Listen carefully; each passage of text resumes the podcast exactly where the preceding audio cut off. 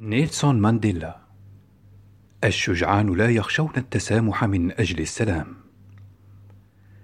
ولد نيلسون مانديلا في جنوب إفريقيا في مدينة ترانسكاي في الثامن عشر من يوليو من عام 1918 إرث الزعيم الإفريقي نيلسون مانديلا في التسامح أصبح أيقونة تتغنى بها الأجيال قولا وممارسة. ليس هناك من مثال أفضل على قوة التحول المنطوية في التسامح والمصالحة من تلك التي لمانديلا وأعماله الملهمة في طرد حكومة الأبارتايد في جنوب إفريقيا. لقد واجه مانديلا أفظع شرور هذا الزمن، وقد أدرك تماما ما للكلمات من قوة في تغيير الأفكار، وما للتصرفات السلمية من تأثير في فتح القلوب. إذ قال القائل: الشجعان لا يخشون التسامح من أجل السلام.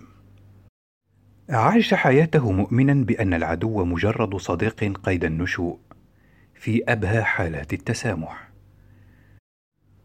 وقال في شأنه القس ديزموند توتو يوما يمكن للعذاب أن يولد المرارة. لكنه يقدر أيضا على إضافة النبل وقد أنعم الله علينا كثيرا حين حبى مانديلا بالأخيرة. لقد كان يشدد على أهمية التعليم والانصهار الاجتماعي والتسامح السياسي.